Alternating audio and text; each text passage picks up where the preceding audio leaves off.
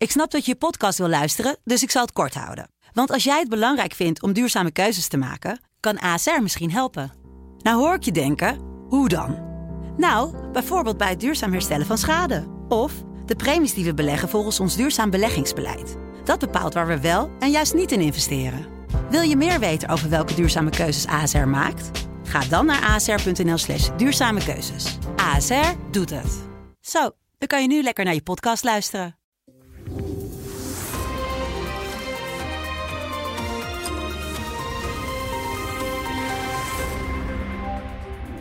En welkom weer bij het gesprek met Paul Jansen, hoofdredacteur van de Telegraaf natuurlijk, waarmee we wekelijks het belangrijkste nieuws doornemen. Paul, welkom. Dankjewel. We gaan het hebben over Joe Biden en de documenten die zijn eh, gevonden. Ja, Ja, wat daarvan te zeggen? Stuk enorm eh, tussen de Republikeinen en Democraten nu. eh, politiek circus. Ja. Ehm, maar wel, ik, ik was echt, echt verbijsterd toen het nieuws kwam. dat er dus ook eh, bij eh, de, de huidige president, weliswaar in een kantoor wat weer bij zijn centrum te maken had, waar hij natuurlijk eh, naar zijn vicepresidentschap Ja. heen was gegaan, dat daar documenten werden gevonden. En, dan denk je toch, ja, wat, wat is dat daar in Amerika met, met politici of, of presidenten en oud-presidenten, vicepresidenten die, die met documenten slepen? En het gaat, niet, gaat wederom niet, van wat wij begrijpen uit mediaberichten, om, om mi- misselijke documenten. Weet je? Nee. Eh, Trump had natuurlijk al eh eh, eh, top secret documenten, onder andere over eh, de nucleaire eh, eh, geheimen van andere landen. Nou, wat ik begrijp, heeft eh, Biden eh, in het kantoor van Biden althans zijn documenten gevonden die, die gaan over militaire documenten over het Verenigd Koninkrijk, Oekraïne. Eh, en ja, dat, dat geeft toch wel te denken, waarom laat iemand dat rondslingeren? Maar er zijn nog een paar andere dingen heel opmerkelijk aan deze zaak.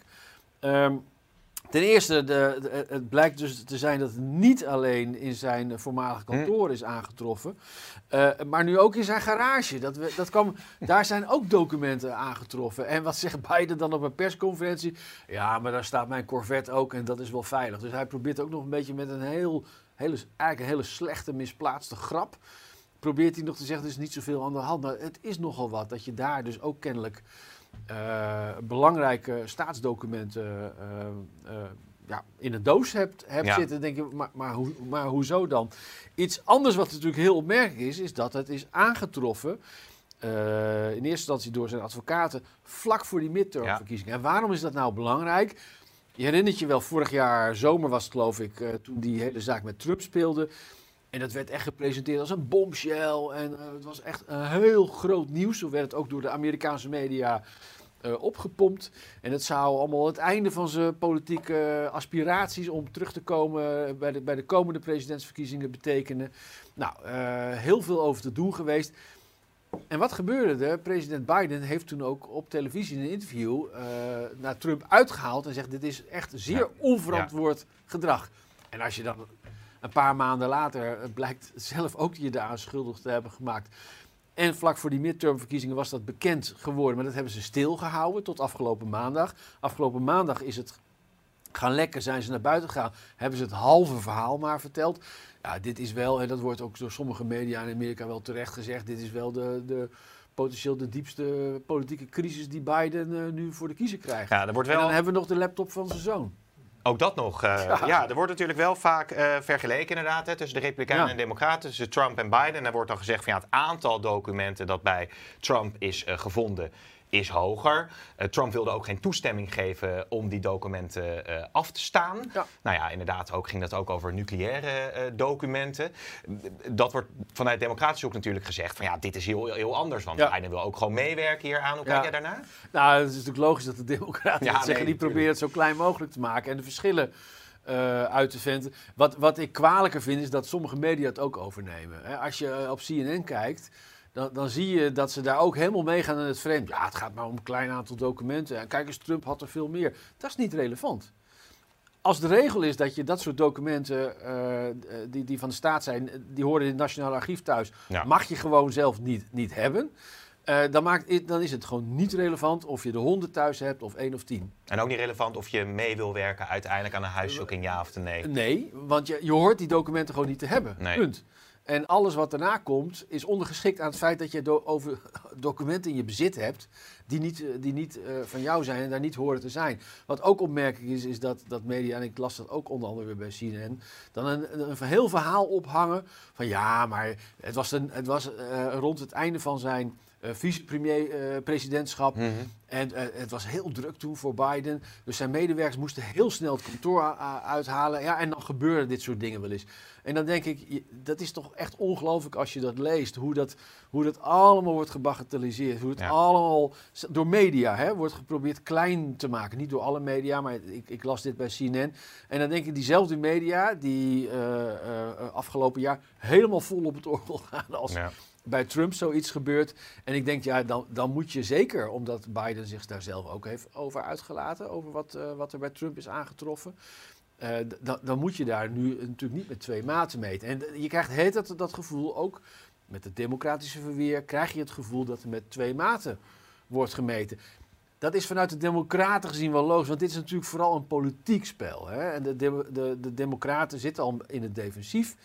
De Republikeinen hebben de overhand. Ja, en die wrijven zich wel in de handen, want dit is natuurlijk, dit is natuurlijk feest. En Ja. het is nu zaak om dit vuurtje zo lang mogelijk eh, te laten smeubelen richting de, volgende, uit- eh, verkiezingen. ja, de presidentsverkiezingen. Want dat is natuurlijk wel wat je ook zei. Het is een dieptepunt eh, voor de Amerikaanse politiek. Ja, als je nu de komende verkiezing eh, krijgt.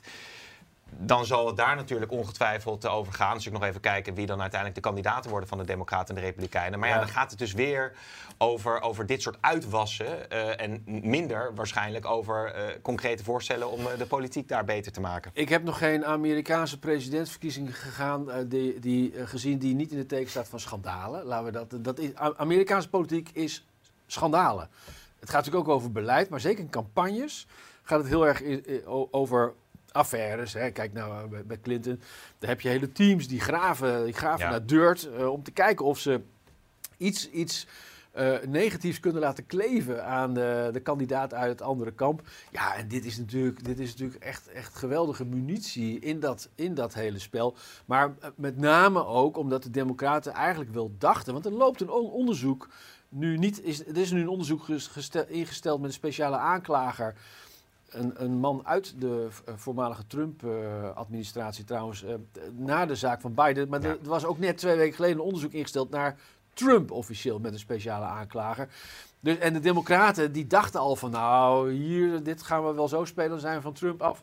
En nu dit naar buiten komt, is, is dat wapen natuurlijk uit democratische hand geslagen. Ja. En daarom proberen ze dit, de, de verschillen zo uit te venten, om het te laten voordoen alsof dit een heel andere zaak is dan dat die van Trump is. Maar het is natuurlijk geen andere zaak. En bovendien, een zittende president, ja, die kan natuurlijk ook moeilijker zeggen: hey, eh, je krijgt geen toegang en ik werk niet mee, dan een ex-president. Ja, en en nee. dat verschil maken de Democraten dan weer even niet. Nog één aspect wat ik overigens wel aardig vind, want Rutte gaat dinsdag natuurlijk op Ja. bezoek bij Biden. Ja, het zou Ja. misschien bij een persconferentie zomaar aan bod eh, kunnen komen. Het, het- dat kan. eh, het is, het is eh, wel volgende week, dus ik weet niet wat, wat er, wat Nee. er dan, of er nog meer bekend wordt. Maar die, eh, het zijn twee dingen eh, die we in de gaten moeten houden. A, hoe laat is, is de ontvangst van, van, van Rutte? Wordt daar misschien nog in, in geschoven? Dat hij ooit, je herinnert je wel dat eh Balkende ooit op bezoek ging eh, bij, Bush eh, bij Bush. ja. En, en die werd geloof ik nog voor het ontbijt ontvangen. Zo even heel snel, eh, want ja, die vonden ze toch eigenlijk allemaal niet zo belangrijk.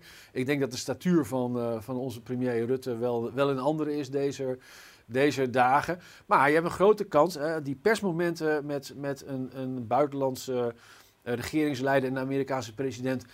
Die worden altijd door Amerikaanse media aangegrepen om het over de actualiteit Ja. te hebben. Dus je hebt een hele grote kans inderdaad dat als dinsdag dat persmoment eh, daar is, eh, dat Biden bevraagd zal worden wat er op dat moment in eigen land belangrijk wordt gevonden. Ja, en, en nu is dat natuurlijk eh, de documentenrel. En ik weet niet of dat dinsdag nog zo is, maar dat is wel iets waar, waar ik naar uitkijk. Zeker, Paul. Dankjewel. Graag gedaan.